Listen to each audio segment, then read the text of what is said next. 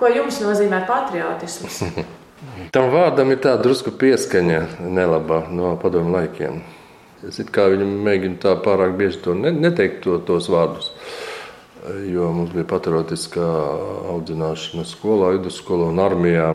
Mūsdienās tas tam vārdam atkal mēs sākam pievērst uzmanību. Tam, tam atkal tie, tiešām tā īstā jēga tagad piemīt. Jo nu, patriotisms tas ir, kad tu dzīvo savā valstī, kuru tu cieni, mīli tu esi lojāls pret to.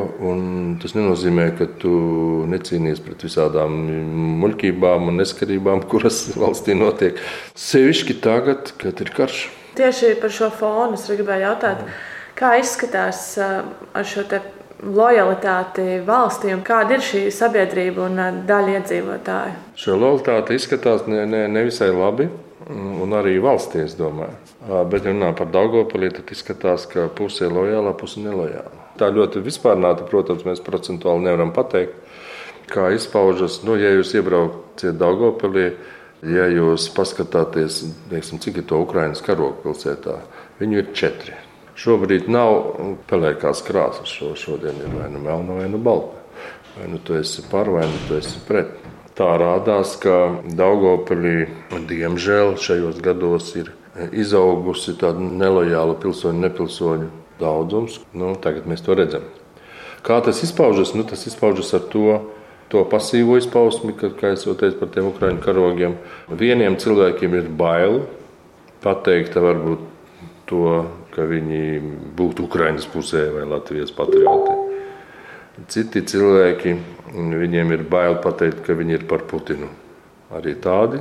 Un trešie ir, kuri nosacīti agresīvi vēršas pret, pret Ukrajinu un īstenībā automātiski pret Latviju.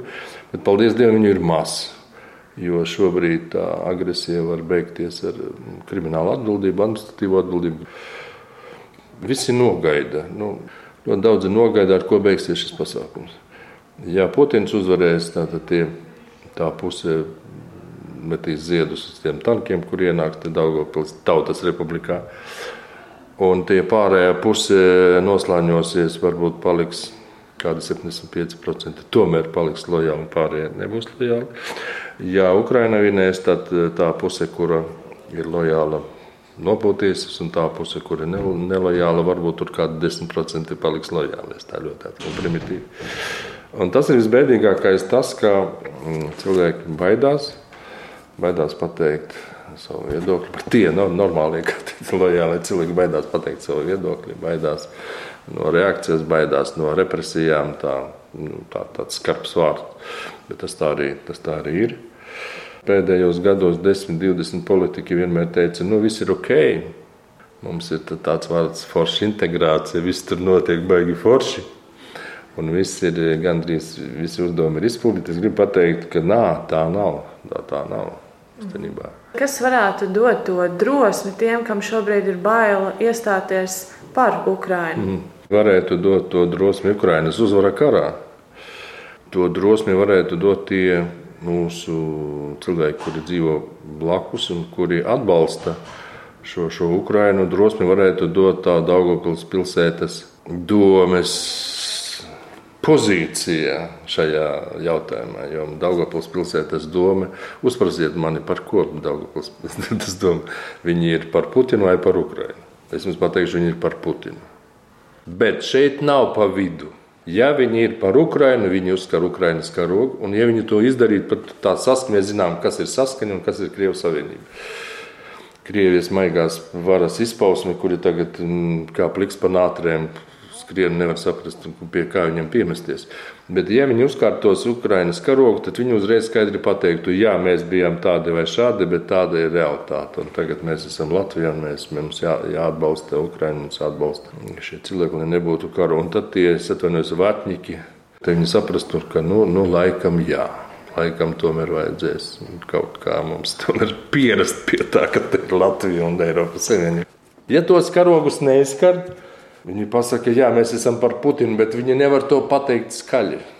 Jo tad uzreiz atkal krimināla atbildība, administratīva atbildība. Un tāpēc jā, mēs esam par mieru. Kas jums dod šo drosmi? Jo pēc tā, kā jūs runājat, ka Pirmā izpausme noteikti ir tā, ka vismaz izskar šo karogu, kas šeit pie vidusskolas ir izskārts, Jā. kas jums dod šo drosmi, jo jūs arī esat Daugopilī, jūs esat daļa no šīs sabiedrības, bet jums šķiet, ka drosmi ir.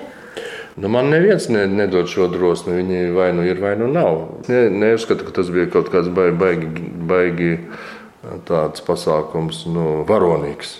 Tas elementārs pasākums, ko vajadzēja visiem darīt. Tāpēc es no paša sākuma zināju, ka tas tā būs, un es to arī izdarīju. Turklāt tas sakrita ar manu pārliecību, arī ar kultūras ministrijas aicinājumu, jo visas savas padotības iestādes kaut kā reaģē. Nu, Nosacīt, paveicās, ka es, es neesmu pakļauts pašvaldībai. Esmu pakļauts patiešām ministrijai. Teiksim, ja es būtu pakļauts pašvaldībai un es izkārtu karogu, tad man jāatbrīvot no darba. Bet es vienalga to karogu izkārtu. Es vienkārši biju izbrīnījies, ka ka bija tāda reakcija un, un ka pārējā pilsēta gaida un pakļaujas teiksim, domes tādam mudinājumam un stingram aicinājumam to nedarīt. Jo, ja tikko tas tiks darīts, nu, tad sekos reakcija. Vai ir šobrīd manīti kaut kādi saspīlējumi starp šīm abām pusēm? ar tiem saspīlējumiem. Tā tas bija tas pirmais saspīlējums ar to manu karogu, bija, kad cilvēki izskrēja, nu, viņi bija sagatavoti, tur apmācīti un, un klieti. Tas bija tas saspīlējums pirmais un vienīgais, cik es zinu, jo sekoja ļoti domāju, pozitīva policijas reakcija. Līdz ar to tika ierosinātas vispār pāri 20 lietām. Un es domāju, ka tā informācija aizgāja pāri, ka cilvēki saprata, ja viņi tā klaigās un skraidīs tevi, kas samaksās 50 eiro, kas 100, kas varbūt kādu ieliks cietumā. Ja jūs šodien varētu pateikt un varbūt pārliecināt, ko jūs teiktu šādiem cilvēkiem? Tiem cilvēkiem, kuri ir mhm. putinisti nosacīti.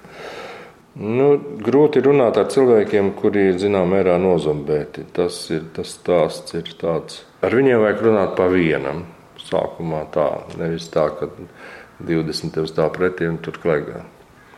Un tad var mēģināt pateikt, ka e, ir ne tikai Putina televizors, ir arī Latvijas televizors, un Eiropas televizors un Amerikas televizors.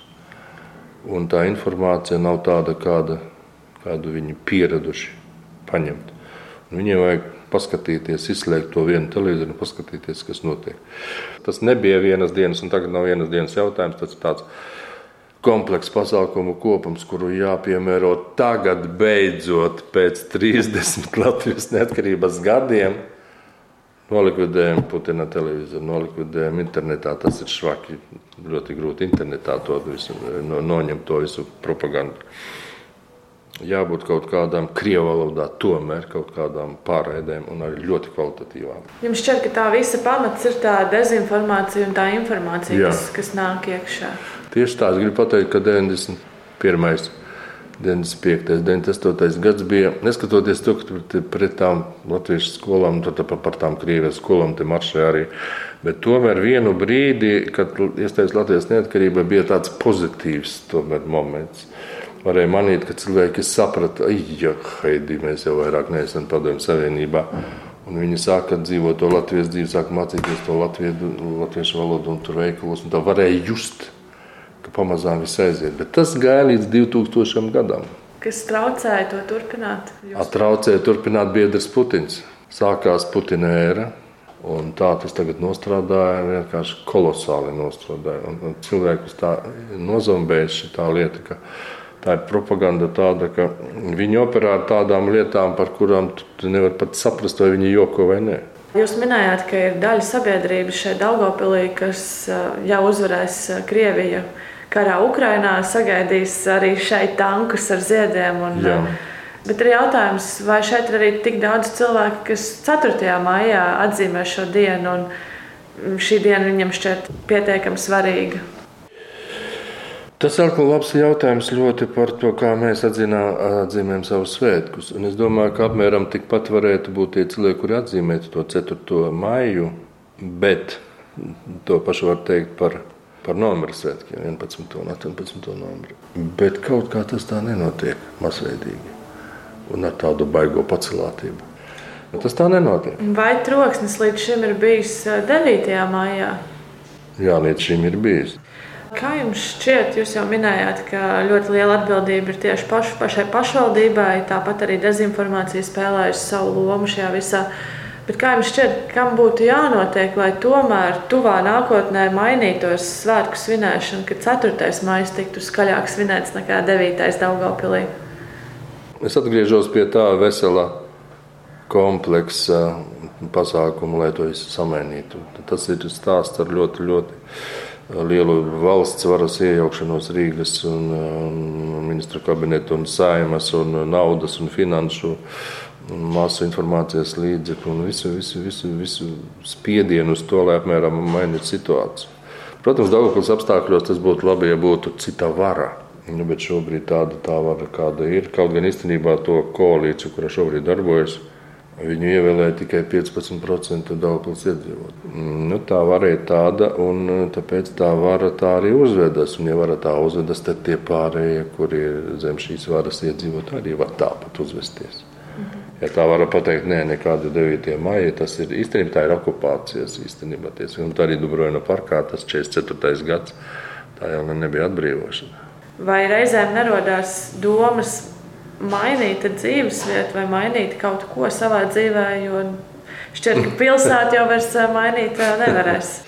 Tāda paruna, ka, ja tu esi vidē, kura tev nepatīk, ir trīs varianti. Viens variants pakļauties šai vidē, kļūt par tādu pašu, nu, tad, tad tev nav problēma. Un otrs variants ir cīnīties ar to vidi, kamēr tu viņu izcīni, tu kļūsti. Tas galvenais ir vide paliek zem tevis. Un trešais variants - cīnīties ar vidi, un nekas nesanāk, bet tu neko nevari izdarīt. Tu paņem, pamet to vidi. Jā, tā ir, ka, ja tu dzīvo šajā pilsētā, tev periodiski, periodiski krīt uz nerviem šī situācija. Un, e, Tev periodiski parādās tādas domas, ka vajadzētu kaut kur vispār, kāpēc es šeit cīnos visu dzīvi. Bet tie gadi bija tādi jocīgi, tie pēdējie, ka mums bija tāds tolerances gadi, to es varētu nosaukt tie pēdējie divas. Mēs it kā domājām, ka viss ir labi. Mēs it kā cerējām, ka tie cilvēki kļūs lojāli. Mēs kaut kur izlikāmies, kaut kur nezinājām tiešām. Un tā likās, nu, var, nu varbūt nu kaut kā, ka viss būs labi. Un tad tev nāk karš. Un tu momentā redzi, ka nē, viss kā, kā bija, tā palika. Šajā pilsētā ir grūti. Bet vai jums ir ticība, ka būs viegli? Nē, man tāda man ticības, ka būs viegli, nav. Jā. Man ir ticība tā, ka, ka var kaut ko mainīt. Un tas ir jādara, bet tas jādara visiem.